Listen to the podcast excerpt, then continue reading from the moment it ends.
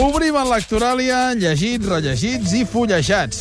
I un dia que tinguem menys, més temps i menys anuncis electorals, farem allò del, del llibre a la carta, eh? Sí, senyor. Aquell... Ara estem amb electoràlia, Sí, eh? sí, sí. I, per tant, fem electoràlia tal com podem. Comencem il·lustrant el llibre llegit amb una d'aquestes cançons que ens agraden del Quim i Portet. El cel blauíssim de Barcelona.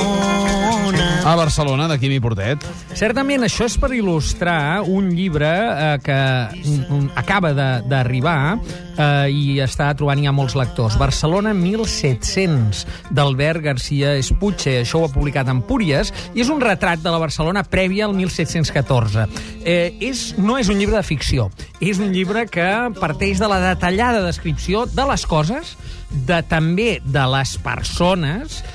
d'alguns episodis fins i tot violents que eh, succeïen en aquella Barcelona prèvia a la guerra, diguem, dels segadors, Sí. i també a mm, un glossari que a mi m'ha entusiasmat de paraules que s'han perdut, que ens arriben d'aquella època. Eh, D'on circulava tot això? Doncs de la ciutat del Born, és a dir, els carrers que formen part del jaciment arqueològic que hi ha sota aquesta gran panòplia de eh, la ciutat del Born, del mercat del Born. Eh, L'Albert García Espuche, eh, diguem, eh, dirigeix el projecte Born i, per tant, parla en coneixement de causa. Fa tres dècades que es dedica a investigar aquesta Barcelona dels segles XIV al XVIII.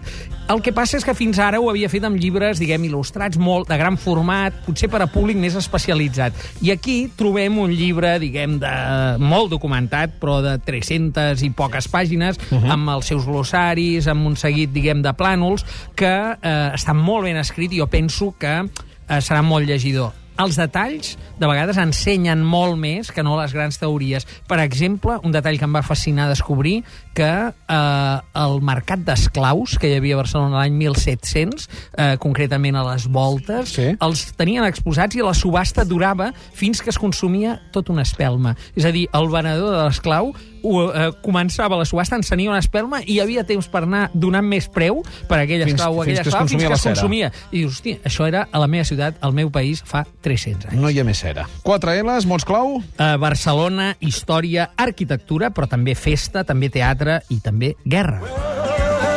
Good News, i ens il·lustra el rellegit. Sí, senyor, el Golden Gate Quartet per il·lustrar un clàssic, 5 L's, eh, una novel·la recomanable per a tota la població eh, i la població de periodistes encara més.